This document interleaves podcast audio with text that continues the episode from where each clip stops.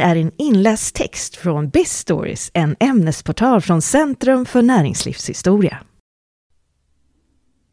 Mytomspunnet forskningspalats på Grev Turegatan. Många förbipasserande genom åren har frågat sig varför det sitter ett hästhuvud i sten ovanför IVAs huvudentré på Grev Turegatan. Svaret ligger i byggnadens långa och växlingsrika historia i hundra år har adressen varit en mötesplats där teknisk forskning presenterats, debatterats och till inte ringa del praktiserats. Innan IVAs intåg hyste byggnaden under ett drygt decennium möbelavdelningen till Stockholms främsta varuhus, Nordiska kompaniet.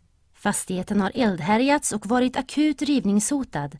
Den har sett storstilade konkurser och varit ett mytomspunnet nöjespalats. Men då den uppfördes 1896 var det för att utgöra Stockholms centrum för ridsport, därav hästhuvudet. Ett kosmopolitiskt sportpalats.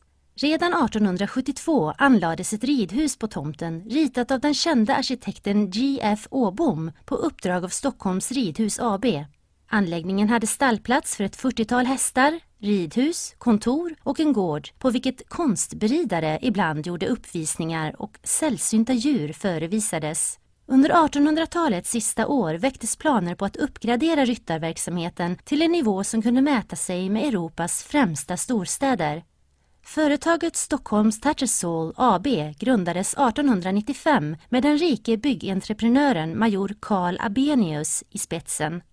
Konceptet och namnet Tattersall hade hämtats från den berömda hästsportverksamheten i London som grundats av Richard Tattersall 1766. Vid 1800-talets slut fanns det Tattersalls i Paris, Berlin och New York. Nu skulle även Stockholm få sitt.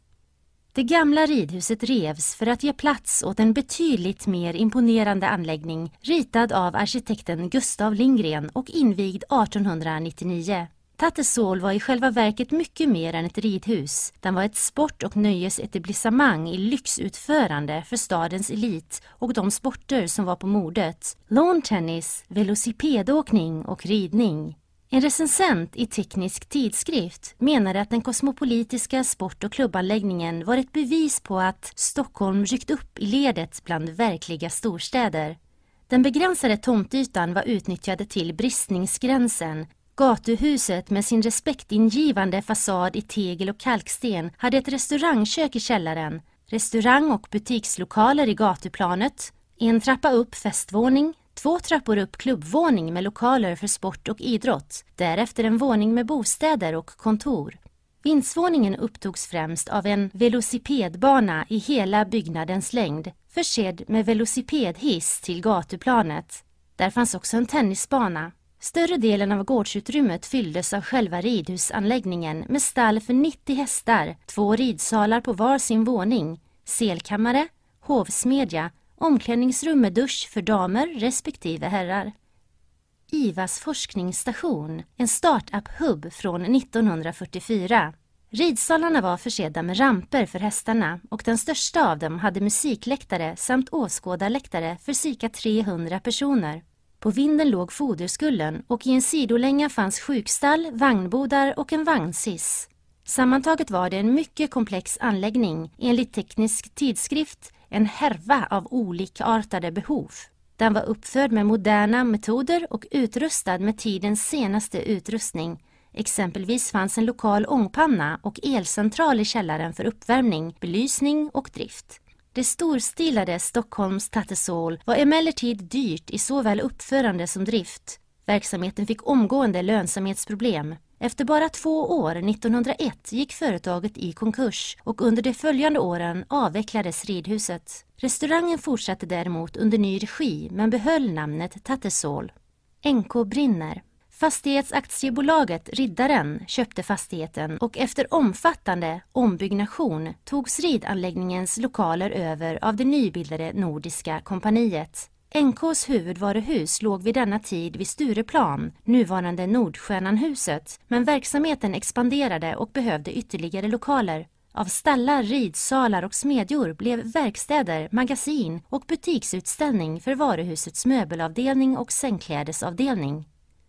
Trots att varuhusepoken blev längre än Tattersall-epoken dröjde det inte ens ett decennium innan även den upphörde, under dramatiska omständigheter. Natten till den 18 mars 1913 utbröt en eldsvåda i en av varuhusets tapetserarverkstäder. Elden spred sig snabbt i det labyrintartade byggnadskomplexet. Trots insatser från tre brandkårer och den nya flodångssprutan Fenix som lagt till vid Nybrokajen och därifrån pumpade vatten i långa slangar dröjde det omkring sex timmar innan elden var under kontroll. Släckningsarbetet försvårades av att hundratals åskådare samlades på gatorna kring eldplatsen. På morgonen kunde det konstateras att gårdsbyggnaderna var totalförstörda, liksom gatuhusets vindsvåning. Hela NKs möbellager och utställning med ett 80-tal möblerade utställningsinteriörer hade brunnit upp. Även övriga delar av byggnadskomplexet hade skadats avsevärt men inga människoliv hade gått förlorade. Eldsvådan kom att omtalas som den mest dramatiska i Stockholm på decennier och renoveringsarbetena tog lång tid i anspråk. IVA tar över. Redan i mars 1919, några månader innan IVA formellt instiftats, hade Axel F Enström på eget bevåg köpt aktierna i fastighetsbolaget Riddaren för den blivande akademins räkning. Detta innebar att centralt belägna, rymliga och representativa lokaler stod redo för inflyttning redan vid nyåret 1920.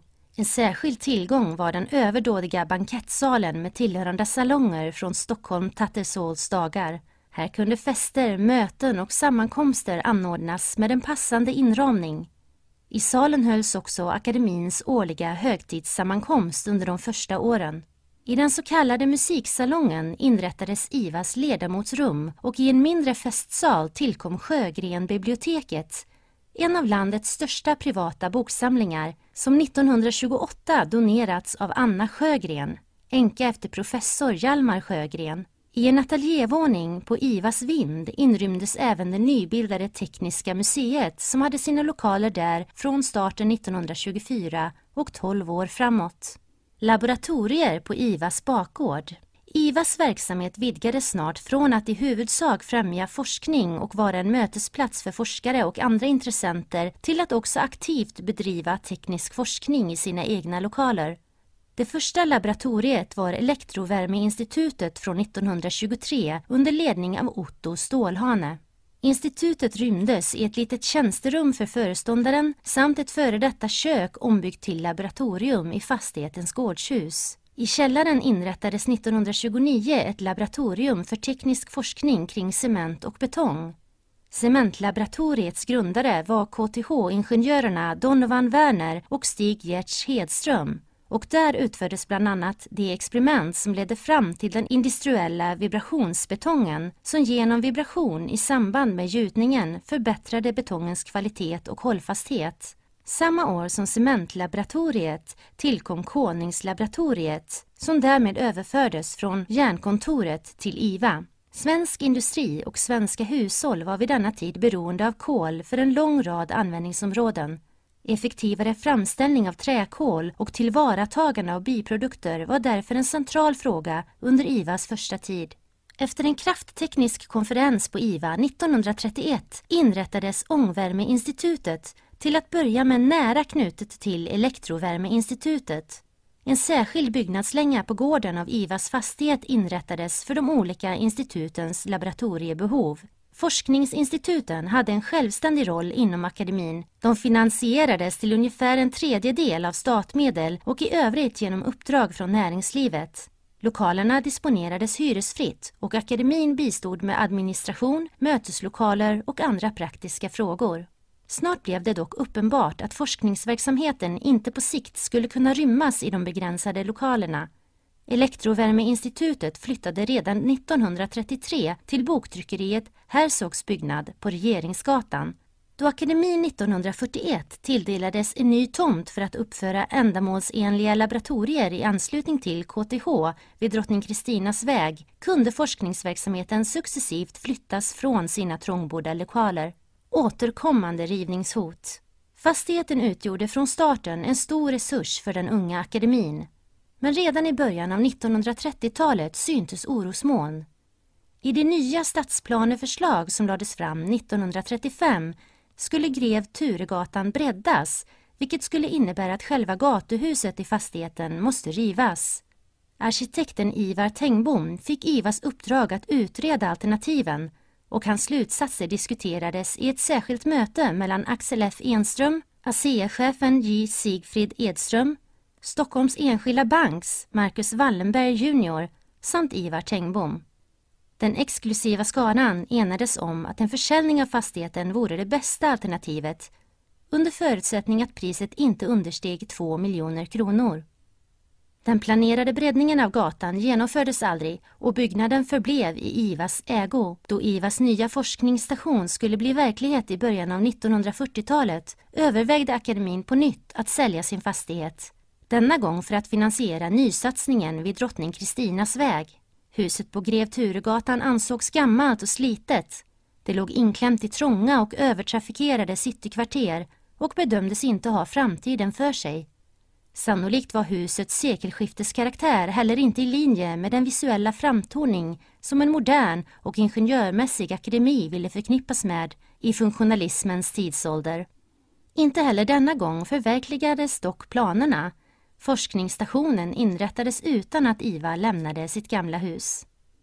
Under hela 1960-talet arbetade IVA under den premissen att en rivning av fastigheten på Grev Turegatan var nära förestående. Men rivningsbeslutets verkställande flyttades ständigt framåt. Under tiden fortgick verksamheten i en form av permanent provisorium samtidigt som möjligheten att etablera akademin i andra lokaler vid flera tidpunkter utreddes. Vid 50-årsjubileet 1969 sammanfattade IVAs Lennart Bovryd Akademin går därför in i sitt sjätte decennium med en viss osäkerhet i fråga om sina framtida lokaler. Byggnaden rustas upp. Nu för tiden är det ingen som ifrågasätter huset på Grev Turegatan och dess betydelse. Byggnaden är idag en ömt och omsorgsfullt hanterad dyrgrip. Den är en av de starkaste symbolerna för IVA som institution och förkroppsligar mycket av det som akademin representerar. Detta innebär inte att tiden stått still i den historiska byggnaden. Tvärtom. Den restaurangverksamhet som drivits i gatuhusets bottenvåning sedan byggnadens tillkomst har på många sätt levt sitt eget liv. Från starten och fram till 1969 bibehölls namnet Tattersall trots skiftande ledning.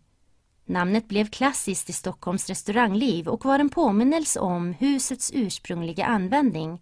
Under 1970-talet drevs restaurangerna av den kände krögaren Sten Holmqvist under namnet Bolaget. 1985 blev det Ra Grenouille, sedermera försvenskat till Grodan, som restaurangen heter ännu idag.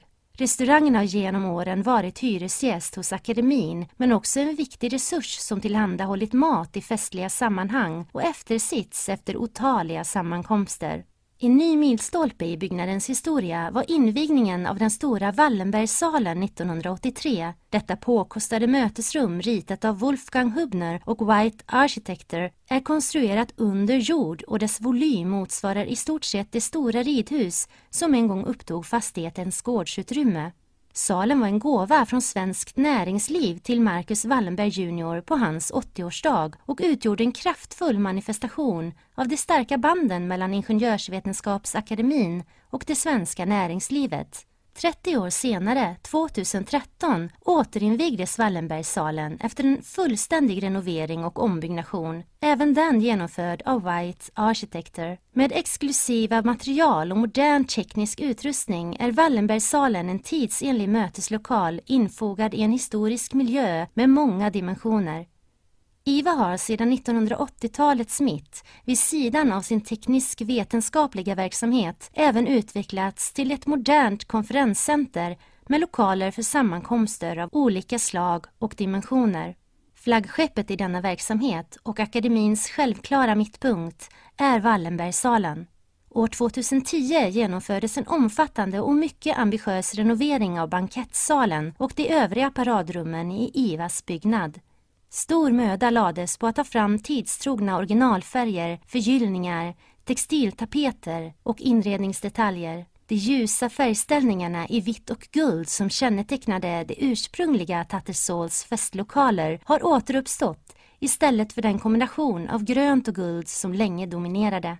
och i stuckatur, stendetaljer och smide kan man på sina ställen fortfarande utläsa monogrammet STS, Stockholms Tattersål.